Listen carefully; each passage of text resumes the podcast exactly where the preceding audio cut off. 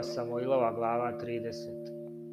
I treći dan dođe David sa svojim ljudima u Siklag, a Amalici behu udarili na južnu stranu i na Isiklag i razvalili Siklag i ognjem ga spalili i behu zarobili ženskinje koje beše onde i malo i veliko, ali ne behu ubili nikoga, nego ih behu odveli i otišli svojim putem.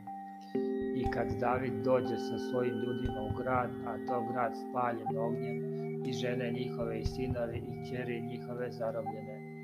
I podiže David i narod koji beše s njim glas svoj i plakaše dokle već ne mogaše plakati. I obe žene Davidove zarobiše se Ahinoama iz Jezraela i Avigeja iz Karmila žena na Navalova. I David beše na muci velikoj, jer narod govoraše da ga zaspu kamenjem, jer žalostan beše sam narod, svaki za sinovima svojim i za ćerima svojim, ali se David ohrabri u gospodu Bogu svom. I reče David Avijataru svešteniku sinu Ahimelehovom, uzmi oplećak za me i uze Avijatar oplećak za Davida. I upita David gospoda govoreći, hoću li poterati tu četu, hoću li je stignuti, a gospod mu reče, poteraj jer ćeš zacelo stignuti i izbavit ćeš.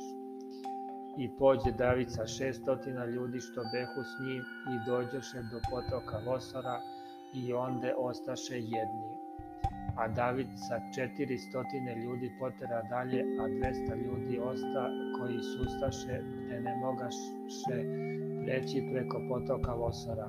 I nađoše jednog misica u polju i dovedoše ga k Davidu i dadoše mu hleba da jede i vode da pije.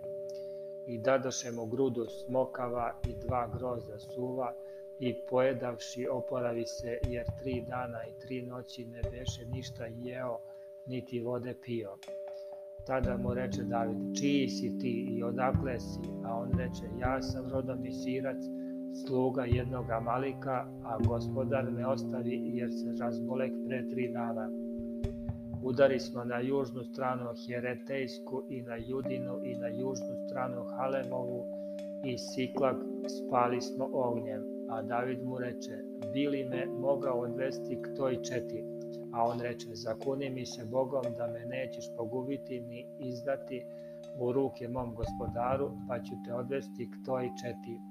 I odvede ga i gle, oni se behu raširili po svoj zemlji onoj jedući i pijući i veseleći se velikim plenom koji zapleniše iz zemlje Filistejske i iz zemlje Judine. I David ih e, bi e, od večera do večera drugog dana, te niko ne uteče, osim 400 mladića koji sedavši na kamile pobegoše. I tako izbavi David sve što behu uzeli Amalici i obe žene svoje izbavi David. I ništa ne izgubiše ni malo ni veliko, ni sinove, ni kćeri, ni šta od plena i od svega što im behu uzeli, sve povrati David. Takođe uze David i ostale sve ovce i volove koje goneći pred svojom stokom govorahu. Ovo je plen Davidov. I kad se vrati David konim 200 ljudi koji behu sustali te ne mogaše ići za Davidom, i koje ostavi na potoku Vosoru, iziđoše na susret Davidu i narodu koji beše s njim. I David pristupivši k narodu pozdravi ih. Tada progovoriše svi zli i nevaljali ljudi između onih koji su išli s Davidom i rekoše, što nisu išli s nama, zato da i ne damo od plena koji izbavismo, nego svaki ženu svoju i sinove svoje neka uzmu pa nek idu.